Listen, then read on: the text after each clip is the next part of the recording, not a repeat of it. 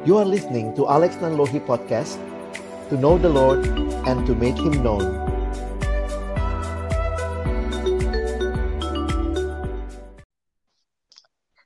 Hai teman-teman sekalian, selamat ketemu lagi kali ini masih di MBD. Mesti banget dengerin. Mesti banget.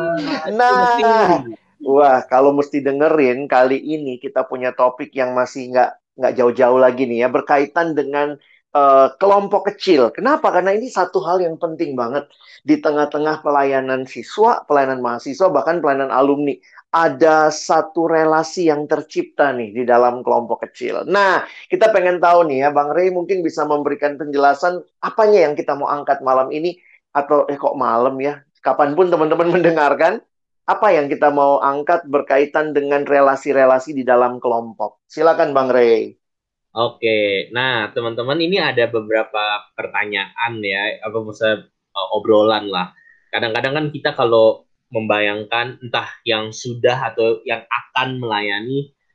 Kadang-kadang kita punya pertanyaan, aduh nanti kalau misalnya aku nih tipenya uh, ini apa istilahnya ya banyak ngomong, banyak ngomong dalam arti positif ya, maksudnya uh, comel gitu apa maksudnya bisa nanya, bisa luas.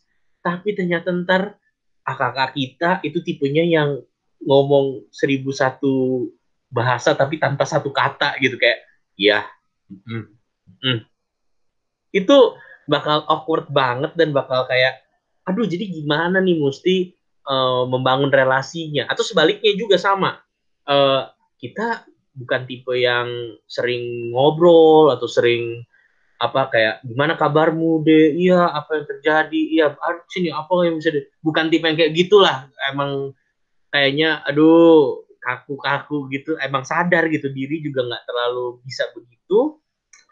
Dan sedangkan akak kita tuh ngerasa atau butuh kayak kok nggak ditanyain? atau kok kayaknya nggak uh, terlalu memperhatikan ya bersyukur kalau mereka bisa mengenal ya bisa bisa menerima. Tapi ada juga yang mungkin jadi kayak berasumsi-asumsi yang lain kayak emang lebih enak sama yang kakak yang itu ya lebih nyambung atau gimana. Karena mungkin teman-teman juga udah pernah ngalamin gitu ya pernah dengar cerita kayaknya lebih nyambung sama kelompok yang ini atau lebih suka sama kakak yang ini atau sebagainya. Nah jadi kita mau diskusi nih maksudnya ada nggak pengalaman atau ada nggak prinsip-prinsip yang mesti kita terus ingat di tengah berbagai, berbagai perbedaan karakter berbagai perbedaan mungkin cara berelasi nah tapi kita gimana membangun uh, membangun secara nyata relasi tersebut gitu memang kita mau hidup bersama. Cuma kan hidup bersama pasti ada penyesuaiannya karena karakter itu berbeda. Nah, ada nggak pengalaman atau mungkin ada uh, highlight uh, sorotan-sorotan yang mungkin kita perlu ingat. Nah, itu mungkin yang kita bisa diskusikan. Wah, menarik ya. Memang selama masih bicara relasi manusia, ada aja ya, ada aja dinamikanya, ada keunikannya. Nah, saya pengen dengar nih ya, karena pasti juga teman-teman dalam memimpin ataupun dipimpin dulunya dalam kelompok kecil, teman-teman sendiri juga ngalamin kan gimana ngatasin perbedaan-perbedaan itu. Bang Ernest nih, gimana pengalaman ketika memimpin dan mungkin juga dipimpin gimana tuh dalam kaitan uh, dinamika relasi seperti ini? Gimana bang Ernest? Sebenarnya eh, nggak uh, mudah ya karena kan setiap orang tuh beda-beda dan.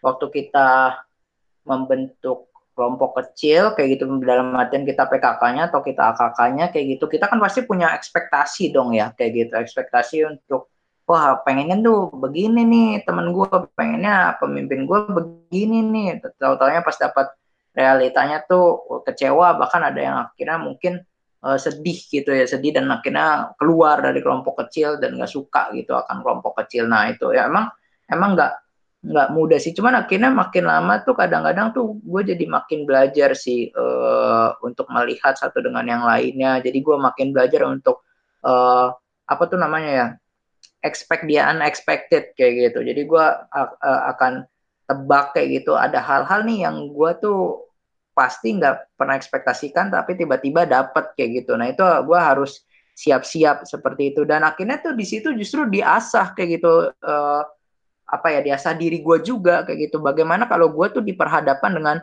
orang-orang tuh yang sama ini gue males berhadapan dengan orang-orang yang tipikal kayak gitu.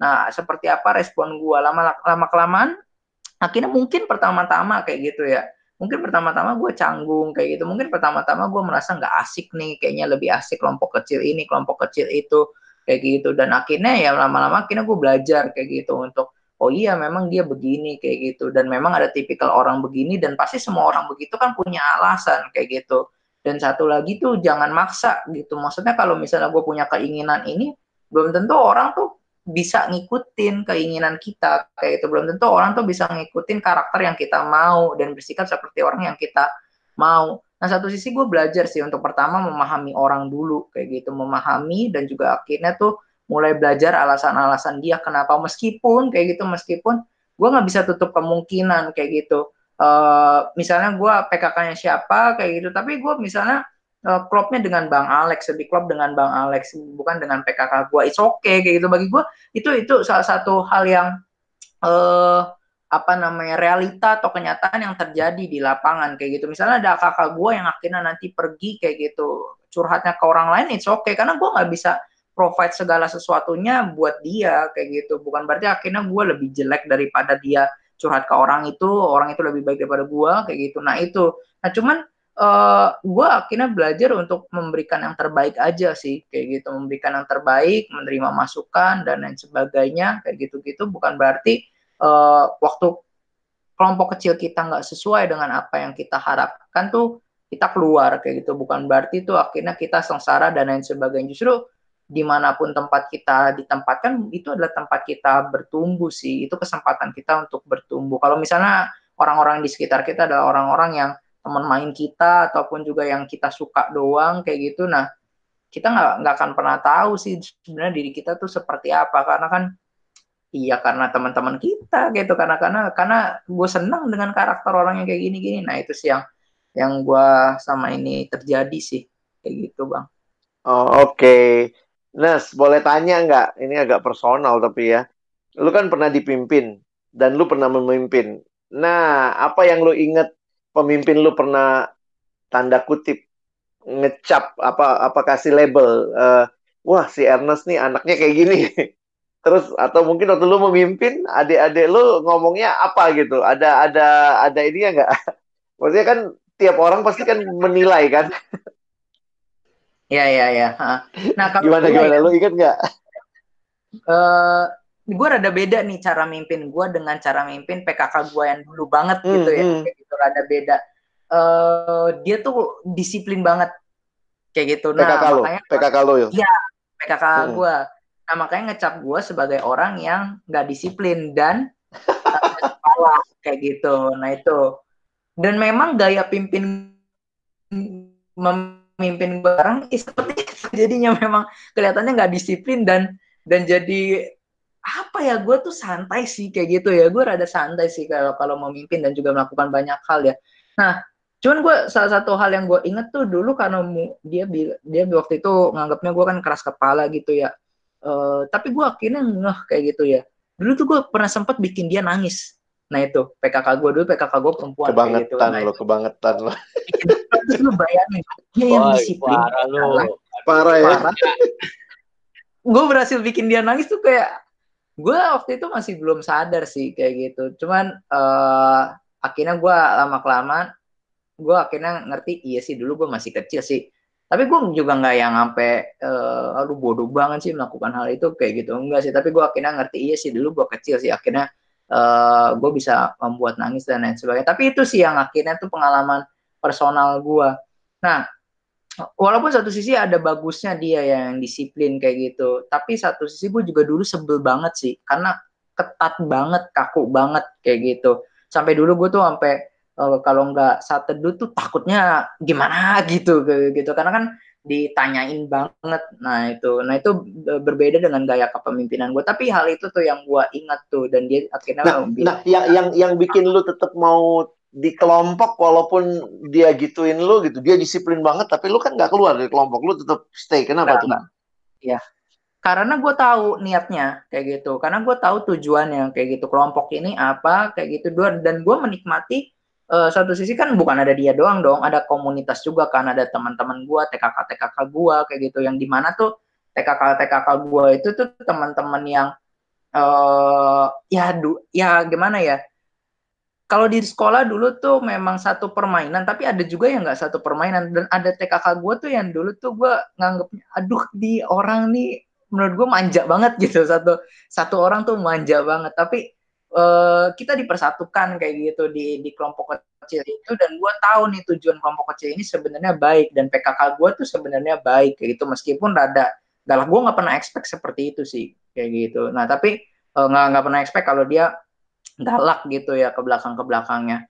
Nah, uh, tapi gue tetap stay di situ karena kelompok itu gue tahu baik, belajar firman, dan gue menikmati komunitas, pertemanan, kayak gitu, persahabatan, itu tuh yang akhirnya membuat gue tetap stay persahabatan, dan itu dalam artian gue tuh punya, uh, apa ya, teman yang bisa sharing, teman yang bisa curhat, kayak gitu, teman yang akhirnya bisa uh, deket satu dengan yang lainnya. Nah itu sih merasa gue diterima juga kayak gitu sama teman-teman itu. Nah yang kayak gitu-gitu tuh akhirnya membuat gue tetap uh, bertahan seperti itu. Akhirnya nggak keluar. Walaupun tuh kakak teman TKK gue yang satu yang manja itu tuh gak suka banget dengan gayanya yang disiplinnya itu PKK dan itu beberapa beberapa kali TKK gue yang menurut gue manja itu beberapa kali itu udah mau keluar.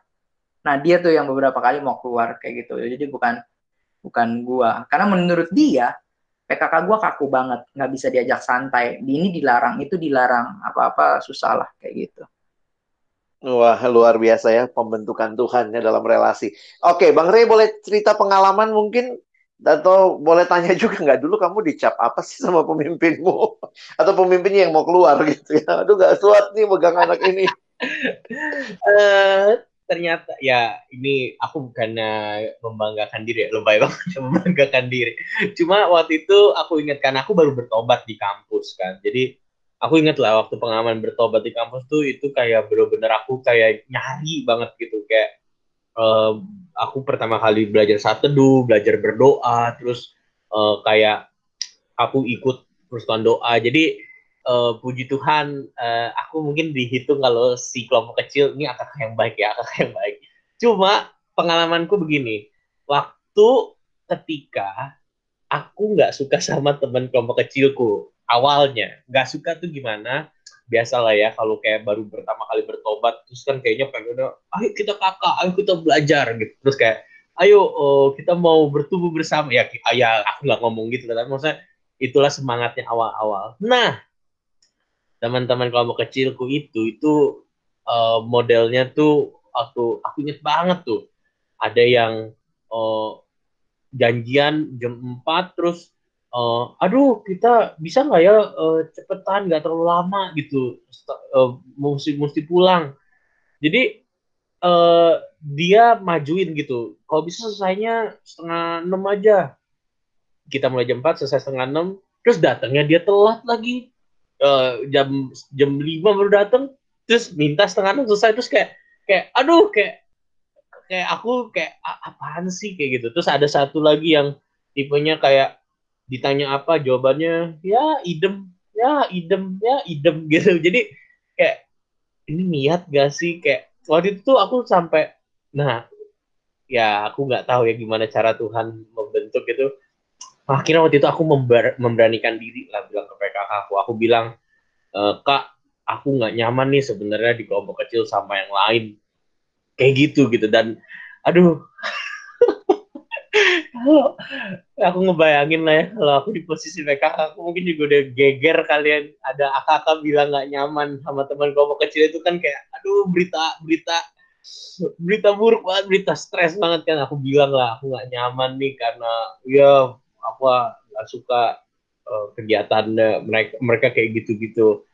Nah, uh, da, tapi aku aku bersyukur lah waktu itu PKK aku aku pikir sangat bijak lah menjelaskan. Jadi dia bilang, uh, uh, thank you ya udah cerita intinya kayak gitu ya thank you udah cerita dan uh, masa PKK aku juga memberikan konfirmasi iya aku bersyukur melihat keinginanmu buat belajar dan sebagainya Nah, itu cuma waktu itu dia bilang gitu. Nah, justru sekarang uh, aku mau minta tolong Ray, buat uh, jadi partnerku bantuin di uh, bantuin menyemangati atau apa mengajak teman-teman kelompok kecil yang lain kayak gitu. Nah di situlah uh, di situlah aku belajar gitu bahwa ternyata di dalam relasi dalam kelompok kecil baik waktu kita sedang berada di dalamnya atau kita memimpin itu benar yang kayak Ernest bilang gak smooth gak gak selalu semuanya dengan orang yang sesuai ekspektasi gak selalu semua dengan yang model preference-nya sama kayak kita. Tapi kesempatan buat saling berbagi itulah yang menurutku menjadi prinsip buat kita bertumbuh bersama. Dan dari pengalaman itu aku selalu ingat tuh uh, ketika aku memimpin dan ini juga menurutku bisa teman-teman pertimbangkan dalam membangun relasi itu bukan PKK melawan AKK gitu ya maksudnya PKK against AKK kita perlu uh, mungkin dari tiga empat orang yang kita layani ada satu yang atau satu dua yang mungkin lebih klop gitu ya atau mungkin lebih gampang terbuka. Nah, gunakan relasi itu gitu, bangun relasi itu itu mungkin sudah yang lebih gampang untuk menjembatani atau untuk membangun relasi yang memang mungkin lebih perlu effort atau lebih perlu usaha gitu ya untuk lebih dekat atau untuk lebih terbuka. Jadi eh, kita nggak sendirian gitu berjuang sendirian me, me, melayani empat orang dengan berbagai macam. Jadi uh, mungkin ambil waktu buat memetakan gitu ya yang mana yang bisa kita lebih mudah kita terus jaga relasinya kita terus lebih makin hari makin terbuka makin hari makin uh, ngobrol gitu sama dia dan itu bisa kita pakai untuk menjembatani relasi yang lebih sulit. Nah itu waktu aku di kelompok kecil. Waktu aku jadi pemimpin kelompok kecil itu juga sama. Megang anak cowok. Anak cowok itu walaupun sama-sama cowok tapi ternyata preferensinya beda gitu. Satu demen nongkrong satu demen seminar satu demen pulang langsung kuliah pulang kuliah pulang kayak gitu. Nggak ada interaksi apa-apa. Berkumpul lah tiga orang itu di satu kelompok. Walaupun sama-sama satu jurusan walaupun sama-sama uh, apa anak anak PO gitu tapi nggak nggak bisa langsung blend kayak gitu. Dan ya gitu aku aku mungkin uh, sudah berusaha kayak tipe yang belajar nanya belajar uh, memperhatikan terus kayak nemenin kalau ke mana. Tapi nggak nggak luluh lah gitu. Ya anak cowok kan digituin juga belum tentu langsung gimana gitu ya.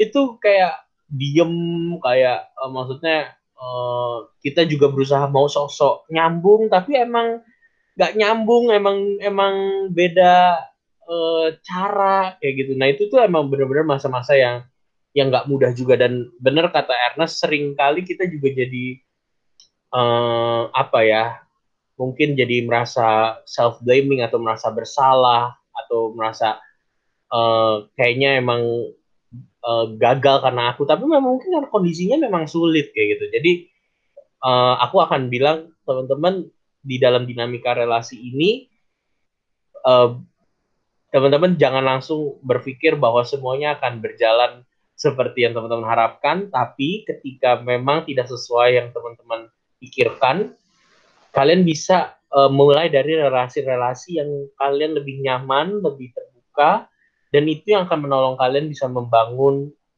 relasi dengan orang-orang lain yang mungkin, yang mungkin memang perlu lebih usaha, memang perlu lebih penyangkalan diri emang lebih perlu uh, usaha kayak gitu. Itu pengalamanku Bang Alex. Oke, thank you Bang Ray. Nah, kita mau dengar dulu nih. Ini yang mungkin bikin PKK-nya mundur kali ya. Silakan Kak Keke, gimana gimana pengalamannya? Iya iya. Uh, bicara tentang relasi di kelompok kecil, Maksudnya aku coba cari tahu kan, pernah nggak ya kita kayak ribut gitu di dalam kelompok kecil atau kayak saling nggak suka dan memutuskan keluar atau PKK gue ngasih benda, bendera merah. Oke, kayak gue udah cukup uh, melayani si Keke di dalam perjalanan hidup gue asik. Dalam kelompok kecil baik jadi AKK atau PKK ini sih yang menarik. Justru uh, gue di dalam kelompok kecil justru sebisa mungkin jangan sampai merusak yang namanya relasi. Uh, justru kebanyakan konflik gue dapeti ketika lagi dalam uh, pelayanan, kerja tim dan seterusnya. Jadi kalau konteksnya kelompok kecil justru menarik. Uh, ya walaupun ada beberapa PKK cewek yang mungkin jadinya konfront aja lah. Uh, lebih baik gue langsung ngomong terus terang. Lu nggak boleh gini deh, nggak boleh gini deh. Nah cuman karena pengalaman waktu gue kuliah, gue konfront dengan adik gue terutama ketika uh, masalah pelayanan, tuh anak jadi kabur. Dan kalau tadi TKK-nya Kak Ernest, syukur-syukur dia uh, manja-manja gitu, tapi nggak kabur ya. Tapi ini uh, apa namanya suatu hal yang ya kalau gue ngelihat uh, waktu itu gue sangat sedih lah kan gue pengen uh, baik gue pengen ngasih tahu mana yang benar mana yang salah jadi gue kayak langsung memuntahkan semua isi hati gue ke adik ini dan adik ini nggak terima dan akhirnya ya udah relasi kita uh, ya bisa dibilang nggak berjalan baik lah karena akhirnya dia tiba-tiba sulit dikontak dan nggak kelompok kecil gitu. Jadi uh, bukan PKK gue yang ngasih bendera merah tapi AKK eh bendera putih tanda menyerah tapi kayaknya AKK gue justru yang ngasih bendera putih ke gue tanda menyerah gitu ya. Jadi pengalaman sesuatu itu, banget ya, sesuatu banget ya. sesuatu banget. Jadi uh, pengalaman itu sangat mengajarkan gue sih. Waktu gue jadi AKK, kenapa nggak banyak konflik? Karena gue tuh sebenarnya tipe orang yang cuek. Tipe orang, pokoknya selama lu nggak masuk ke dalam teritorial gue dan menggurui gue dan uh, nggak ngasih tahu dan nggak kayak nyela gue, lu salah ini, lu salah itu, ya ya udah, it's okay, everything berjalan ya fun, mulus gitu. Tapi kalau misalnya dia memasuki apa yang menjadi keputusan gua, apa yang menjadi ide gua, teritorial gua, itu tuh kayaknya sangat musik banget.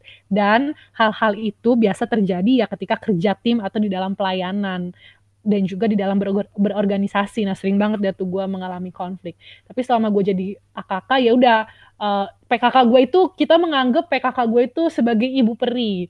Karena aduh dia tuh pokoknya bener-bener kayak ibu peri lah. Karena dia tuh kalau kita nggak cerita ya udah nggak apa-apa gitu. Kalau kita nggak mau ngomong ya udah nggak apa-apa gitu. Jadi dia tuh orang yang sangat legowo sekali. Tapi akhirnya gue belajar dari dia untuk uh, ya harusnya jadi PKK bisa mengendalikan segala sesuatu, nggak semuanya lu muntahkan dan akibatnya itu ada salah satu AKK gue yang ngasih bendera putih ke gue gitu kan. Nah makanya waktu gue punya kelompok kecil lagi, gue sebisa mungkin menjalin relasi dalam tanda kutip menjalin relasi aman sih. Apa yang dia pengen omongin ya udah gue denger, apa yang nggak uh, apa yang gue penasaran tapi dia nggak mau ngomong ya udah gue tahan untuk gak nanya. Nah yang paling sulit dalam masa-masa seperti ini adalah ketika kakak-kakak gue tuh udah punya pacar dan ternyata ini sangat mempengaruhi hidup mereka.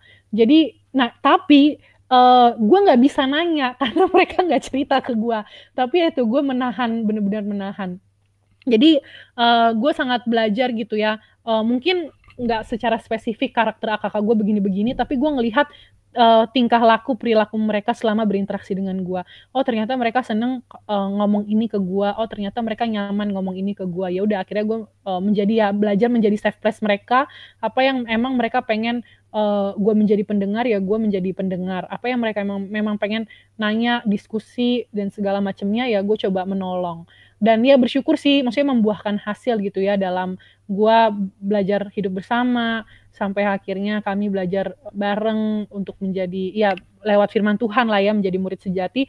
Ya akhirnya Tuhan membukakan gitu. Akhirnya sekarang justru jadi momen-momen mereka banyak juga cerita pergumulan keluarga masalah pacaran gitu sih. Jadi kayak dan gue emang tipe yang bersyukur gue bersyukur banget karena satu sisi gue tipe yang cuek gitu ya. Jadi ketika dapat kelompok kecil yang baru ini uh, uh, ya gue akhirnya belajar untuk ya udah apa yang mereka pengen utarakan ya udah gue uh, terima itu dah. Kalau mereka nggak mau ya udah nggak apa-apa tunggu waktunya Tuhan. Jadi gitu kali ya mungkin. Jadi gue tipe yang kalau dalam relasi yang menjaga batas aman lah. Tapi gitu. kalau ditanya apakah ini seperti yang lo ekspektasi? Awalnya awalnya berharap kayak apa terus ternyata realitanya gimana? Apa sesuai ekspektasi nggak tuh kayak nah waktu gue awal-awal megang kelompok kecil pasti gue punya ekspektasi. Makanya kalau mereka nggak sesuai apa yang gue inginin gue langsung memuntahkan semuanya ke mereka gitu kan. Dan jadinya justru nggak sesuai ekspektasi karena kakak gue ada yang milih walk out. Nah makanya waktu gue punya kelompok kecil ini ekspektasi gue cuma satu. Gue pengen hadir dan membagikan firman ke mereka. Itu doang sih. Selebihnya masalah uh, seperti maksudnya membagikan firman dalam arti ya gue berharap firman itu bisa mengubahkan mereka. Mengubahkannya seperti apa? Ya gue belum punya bayangan tapi ya itu gue berjalannya dengan gue pengen gue hadir hidup bersama dan sharing firman. Berharap itu mengubahkan apa pun dalam hidup mereka. Makanya uh, gue hidup bersama nongkrong denger curhatan mereka supaya gue tahu sebenarnya nih orang apa ya konflik batin mereka itu lagi gimana ya atau sebenarnya masalah utama mereka apa ya sampai kayaknya mempengaruhi semuanya gitu sih jadi ini ya menarik untuk melihat bahwa sebenarnya kayak perbedaan karakter atau kita ngelihat kok orangnya kayaknya responnya begini banget gue seneng tuh yang kayak, kayak bilang berarti itu kesempatan sebenarnya kita kenal dia lebih jauh ya untuk melihat eh, kenapa sih dia kayak begitu gitu ya kayak ya? Iya, itu juga sih. Mm -mm. Uh, bisa dari hidup. Jadi keinget ini loh, jadi keinget kelompok kecilnya Tuhan Yesus. ya gimana di dalam kelompok kecil Tuhan Yesus pasti banyak banget perbedaan-perbedaan karakter gitu ya dan uh, ada Thomas sang peragu mungkin kalau setiap kali PA nanya kali dia ya Thomas gini gimana ada Petrus yang kadang nggak mikir lalu ngomong duluan ada Yohanes ada Yakobus yang disebut anak-anak guru itu ya kenapa disebut anak guru ya kemungkinan karena itu kan son of thunders ya sons of thunders jadi anak guru. Jadi apa mungkin mereka temperamennya keras ya, kasar ya, seperti geledek gitu ya, atau suaranya keras gitu. Jadi menarik untuk melihat bagaimana di dalam kelompok itu Tuhan juga membentuk mereka ya, besi menajamkan besi, orang menajamkan sesamanya. Nah, boleh, boleh tanya nggak mungkin bagian uh, selanjutnya buat teman-teman, apa tips yang baik yang harusnya dikembangkan untuk orang-orang yang Eh, berhadapan dengan satu kelompok orang yang tidak sesuai dengan harapannya? Atau teman-teman dalam pengalaman pernah nggak ngelihat atau pernah ngalamin hal seperti itu? Apa yang mungkin bisa jadi tips buat teman-teman? Silakan bang Ernest untuk memberikan masukan untuk hal ini.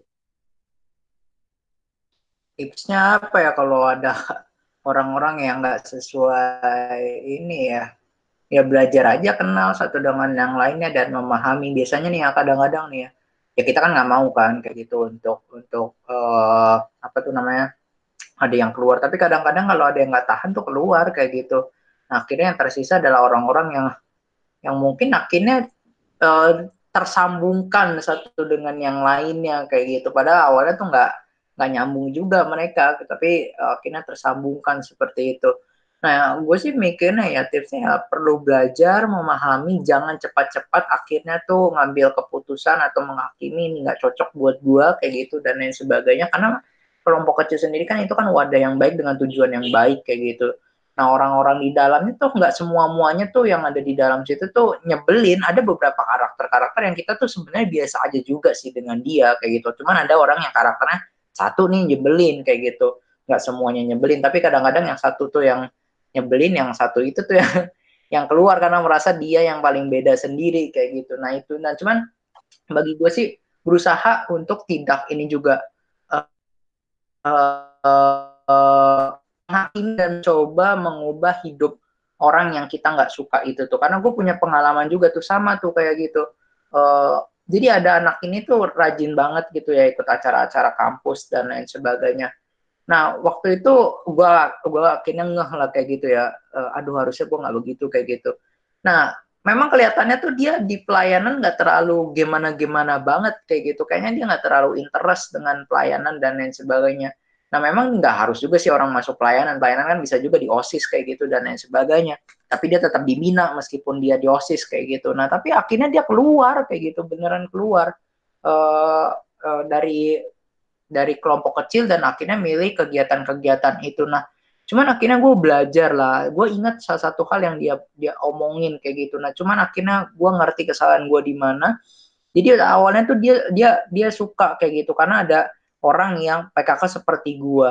Nah, waktu itu setelah gak lama dia ngomong itu kayak gitu, gue ngomong satu hal gue sendiri udah rada lupa tuh kalimatnya. Apa yang gue pikir aduh harusnya gue nggak ngomongin itu. Akhirnya eh, terkesannya tuh kayaknya gue tuh melakukan hal itu tuh uh, bukan gue terkesannya akhirnya jadi dia buat salah seorang temen lah kayak gitu di acara acara kita bareng. Nah gue akhirnya dia akhirnya punya kesan kalau gue tuh tetap memandang jelek sebenarnya sama temennya kayak gitu. Karena temennya itu uh, ya satu sisi kelihatan kayak orang yang nggak serius kayak gitu di dalam studinya kayak gitu. Terus juga merokok juga terus juga nggak tahu arah hidupnya ke mana dan lain sebagainya. Nah akhirnya gue satu sisi jadi belajar lah dari situ untuk tidak menghakimi orang yang akhirnya tuh kelihatannya nggak nggak nggak terlalu interest dengan hal-hal rohani yang seperti pelayanan yang kayak gitu-gitu. Nah itu yang akhirnya gue coba pahami, coba pelajari. Mungkin memang dia interest dengan kegiatan-kegiatan uh, kampus kayak gitu. Mungkin dia akhirnya juga uh, apa tuh namanya uh, memang mau berperan di situ dan lain sebagainya. Nah sayang aja sih akhirnya dia keluar. Nah itu sih salah satu tipsnya sih gue coba belajar memahami, mendengar terlebih dahulu jangan cepat kasih label dan lain sebagainya. Dan prejudis prejudis itu bahaya sih di dalam relasi sih. Itu yang gue pelajari sih seperti itu. Oke okay, thank you ya. Jadi jangan sampai kita belum kenal udah banyak aja ngomong dia begini begini jangan-jangan waktu kita ngomong begitu dia juga ngomong yang sama tentang kita. Kita bilang nih orangnya sulit banget nih. Ini orangnya kayaknya dan dia juga ngelihat kita mungkin dengan kalimat atau dengan istilah yang lain gitu ya. Oke, kalau Bang Rey gimana nih pengalamannya dan tips apa lagi yang Bang Rey mau sampaikan buat teman-teman dari pengalaman Bang Rey? Uh, kalau aku mungkin berpikir uh, gini membangun relasi itu tetap butuh ruang natural ya.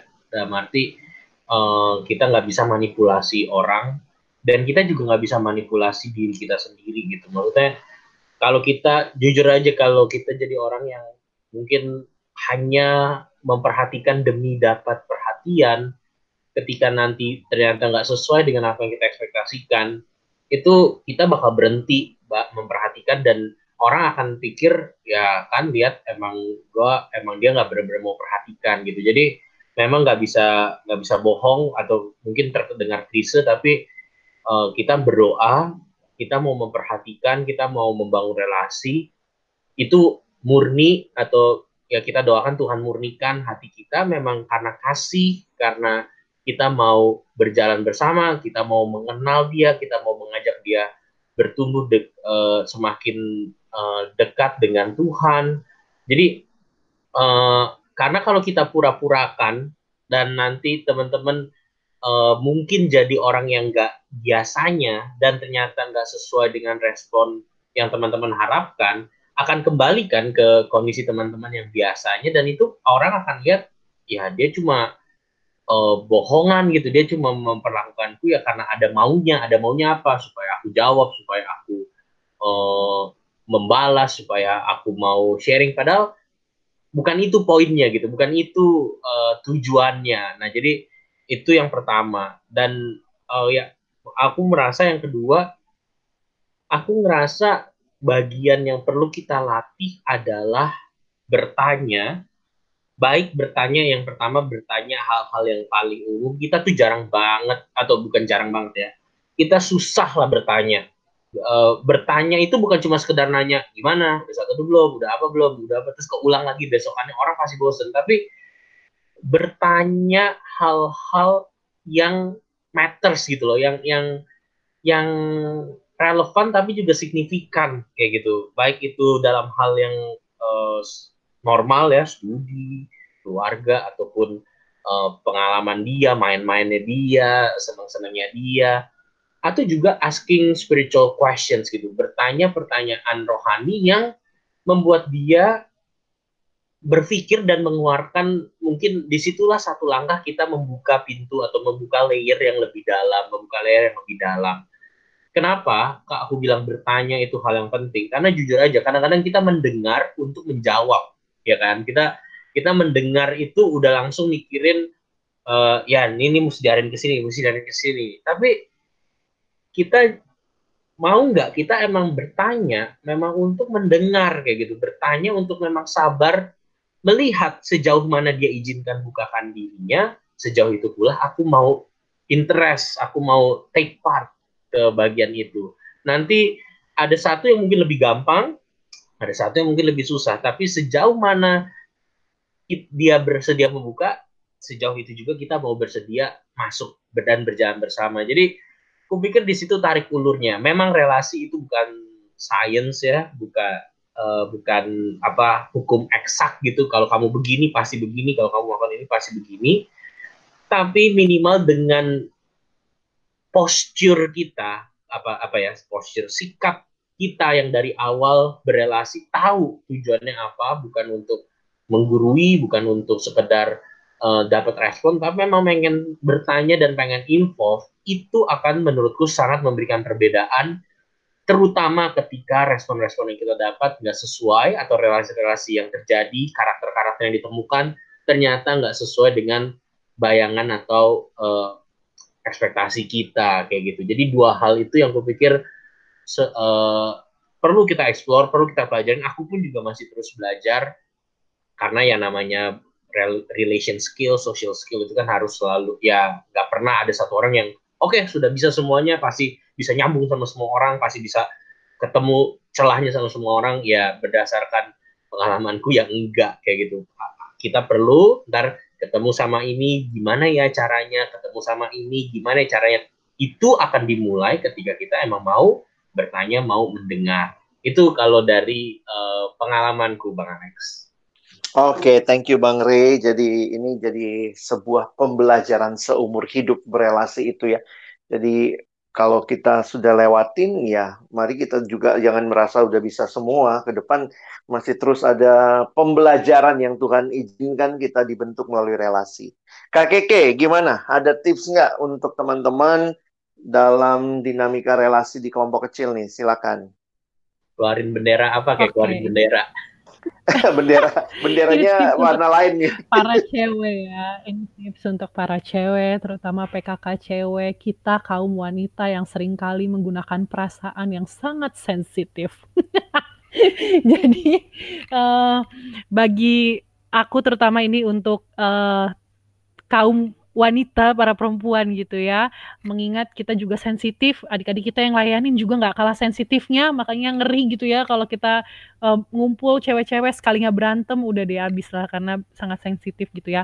Nah jadi kalau aku tipsnya apa? Uh, pertama pastinya ketika kita uh, ketemu dengan AKK yang uh, berbeda dengan kita dan mungkin ada yang de demennya ngomong atau dia kayak udah tahu semua lah terus gue ngapain jadi PKK dia udah tahu semua gitu kan. Karena itu yang beberapa kali aku menjadi ket, uh, dalam beberapa kesempatan ketemuan kelompok kecil ada tipe-tipe kakakku yang kayak gitu. Sukanya ngomong diem kalau di kelompok kecil atau dia udah tahu semuanya dia baca buku yang berbau apologet buset dah gitu kan. Kayaknya dia sebenarnya udah cocok langsung jadi PKK gitu. Nah uh, dalam kondisi-kondisi kayak gitu kan pasti maksudnya jadi uh, sensitif. Nih anak kapan sih ngomongnya? Berhenti dong. Atau duh nih anak uh, pinter banget gue lagi ngomong gini dia ngasih pendapat gini dia lagi nyerang gue nggak ya nah sering kali kan gitu kan banyak jadinya kita jadi sensitif nah cuman pertama tipsku adalah ingat uh, alasan awal kenapa kita milih uh, menjadi PKK. Ingat komitmen awal itu sih. Karena kalau kita mengingat komitmen awal, itu menolong kita untuk tetap mau berjuang dan juga belajar untuk terus berjer berserah, uh, mengandalkan Tuhan di tengah kondisi uh, ketemu dengan AKK-AKK yang berbeda karakter dengan kita gitu.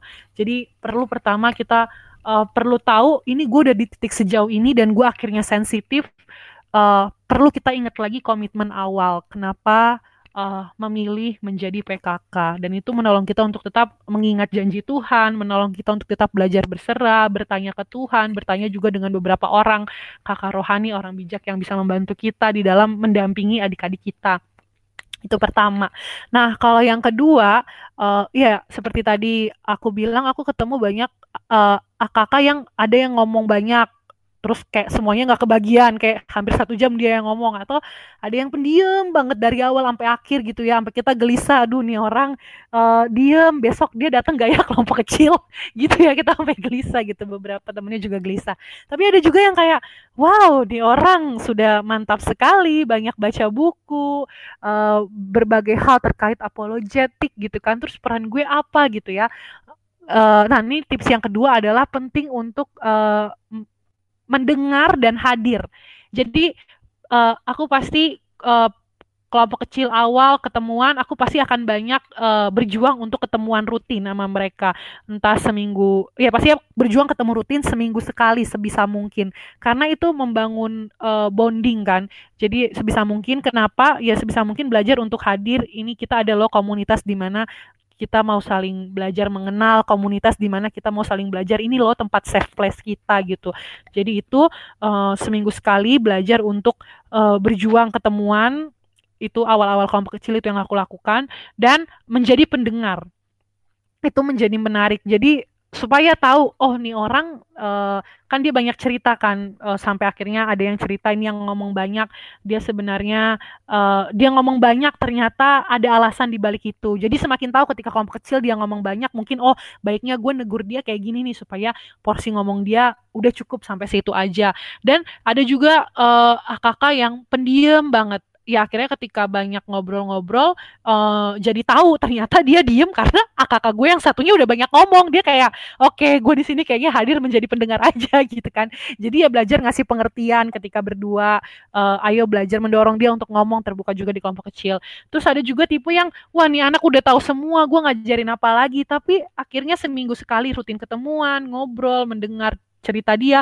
Akhirnya sampai pada titik kak kita kapan kelompok kecil? Aku pengen cerita deh. Dan itu wow mengagumkan menurut aku secara pribadi gitu ya. Dia nggak kita ajak apa-apa nggak nggak kita tanya tentang keluarganya tapi ketika kita uh, ketemuan kelompok kecil, uh, range suatu kelompok kecil sambil makan dia tiba-tiba cerita tentang keluarganya dan sampai menitikan air mata dan menurutku aku sangat terharu sih. Buk, menurut aku itu bukan karena aku tetapi ya awal uh, ya pertama karena aku ingat komitmen awal kenapa aku uh, mengambil langkah berani menjadi PKK dan yang kedua yaitu aku berjuang terus sebisa mungkin uh, kelompok kecil perdanaku itu ketemuan rutin seminggu sekali. Uh, dan kita banyak cerita mendengar uh, ketawa-ketawa hangout bareng. Gitu sih mungkin uh, tipsnya ya. Oke terima kasih. Jadi ini jadi pengalaman yang menarik juga untuk dibagikan ke teman-teman bahwa kesempatan kita ada dengan relasi-relasi di sekitar kita ini menolong kita juga sebenarnya makin dibentuk dan akhirnya makin ngerti begitu ya apa yang sedang Tuhan sedang bentuk dalam diri kita waktu kita juga belajar memahami orang lain. Aku jadi ingat ada kalimat yang mengatakan begini gitu ya. Kalau kita nyari yang sempurna, nggak ada nggak ada komunitas yang sempurna selama di dunia ini. Termasuk kelompok kecil kita, orang-orang yang sama-sama berjuang mau bertumbuh bagi Kristus pun ternyata tetap nggak ada yang sempurna. Bahkan kalimatnya bilang begini, kalaupun sampai ada komunitas yang sempurna, anggaplah teman-teman ketemu nih, wih ini kelompok kecil yang sempurna banget. Lalu kalian masuk ke dalam kelompok itu, maka begitu kalian masuk, langsung kelompok kecil itu, komunitas itu jadi komunitas yang tidak sempurna. Semoga dapat intinya ya, bahwa ternyata karena saya hadir di situ, saya yang tidak sempurna ini, saya pun akhirnya membuat kelompok itu jadi tidak sempurna. Jadi saya pikir bukannya mencari kelompok yang sempurna, tetapi mari belajar membangun kelompok yang saling dari ke apa kumpulan orang-orang yang tidak sempurna tapi mau terus bertumbuh semakin serupa dengan Kristus. Oke, okay. jadi untuk uh, bagian terakhir ada tips, ada kok tips lagi sih, ada saran atau ada encouragement buat teman-teman yang sedang memimpin atau akan memimpin atau punya kelompok-kelompok kecil yang lagi sulit nih untuk dipertahankan Silakan, mungkin dari Bang Ernest dulu, apa closing statement buat saat ini? Silakan Bang Ernest. Ya, yang namanya relasi kan dinamis ya. Maksudnya kita nggak akan pernah ahli lah dalam hal itu kayak gitu sampai nanti kita meninggal pun sebelum meninggal juga bisa ribut sama orang lain kayak gitu. Tapi uh, kita mesti terus belajar kayak gitu, memahami dan juga akhirnya uh, coba mendengar tadi seperti yang tadi kayak kayak bilang ya seperti itulah. Itu itu itu justru uh, seninya. Jangan berpikir kita udah jago dan ahli, tapi uh, tetap mau belajar karena ada banyak hal yang mungkin kita salah betul lah. Kalau misalnya tadi kayak Bang Alex bilang kesempurnaan kan hanya milik Allah ya kayak gitu. Uh, ketidaksempurnaan itu milik kita dan memang harusnya amin amin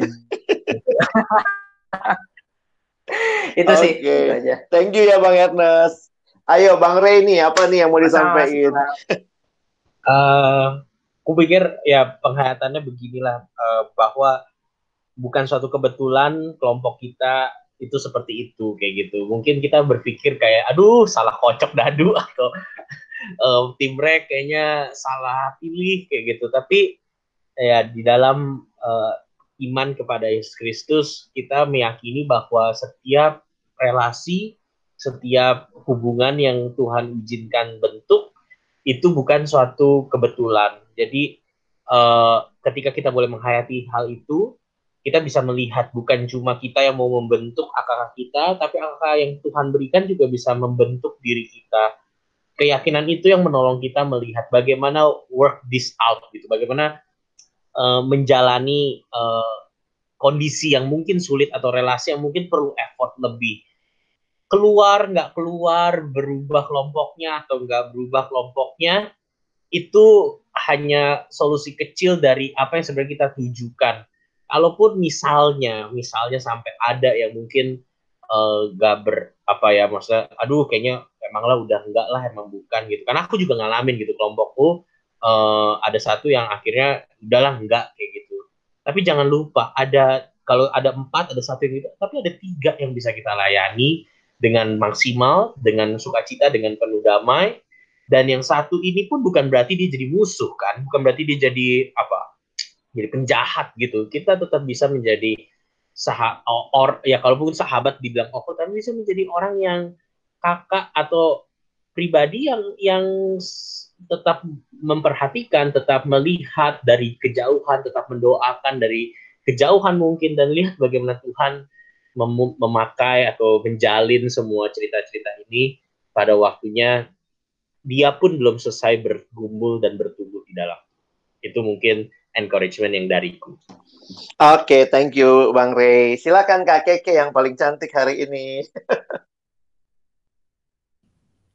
ya kalau dari aku uh, tadi teringat dengan kakakku yang uh, ini orang yang maksudnya secara rohani senang juga memperlengkapi diri dengan buku-buku yang berat gitu ya dan jadi membuat aku minder jadi lebih sensitif jadinya ini orang kalau misalnya ngomong di kelompok kecil dia ngasih pendapat nih orang apalagi bilang gue salah ya atau gimana gitu kan nah aku juga mendapati beberapa PKK juga gitu ngelihat AKK gue kayaknya udah bertumbuh udah melayani di gereja jadi gue kayak butuh apa bantu dia di mana. Nah, seperti tadi yang aku sharingin, akakku yang uh, secara kognitif ini udah pinter, ternyata uh, nggak di bagian yang lain, enggak. Kenapa? Ya itu dia kakakku yang ketika kami ketemuan dia ngobrol dan cerita tentang keluarganya gitu ya sampai ya dia adalah hal-hal yang membuat dia sedih gitu kan. Jadi aku melihat oh ternyata cara dia dalam tanda kutip lari dari masalah keluarganya sebenarnya ya dengan cara dia uh, mencari kebenar mencari hal-hal yang bisa memuaskan otaknya gitu. Jadi aku melihat uh, ya setiap orang uh, apa namanya perlu kita menjadi PKK perlu sadar kita ketemu dia kita nggak ketemu dia dari kecil dari bayi gitu ya dari masih kemerah-merahan enggak. Sadarilah kita ketemu dia udah gede dan dia udah banyak uh, fase kehidupan yang dia lewati. Entah itu uh, sedih senang uh, bikin dia trauma dan kita perlu menyadari hal itu. Jadi uh, penting untuk kita jangan langsung nganggep ah nih anak pinter siapa tahu di, di balik dia seperti itu sebenarnya ya ada hal yang sedang dia tutupi dan segala macam kita nggak tahu kan makanya perlu punya perlu kita melihat bahwa ketika gue dikasih anak, gue nggak tahu apa-apa tentang dia.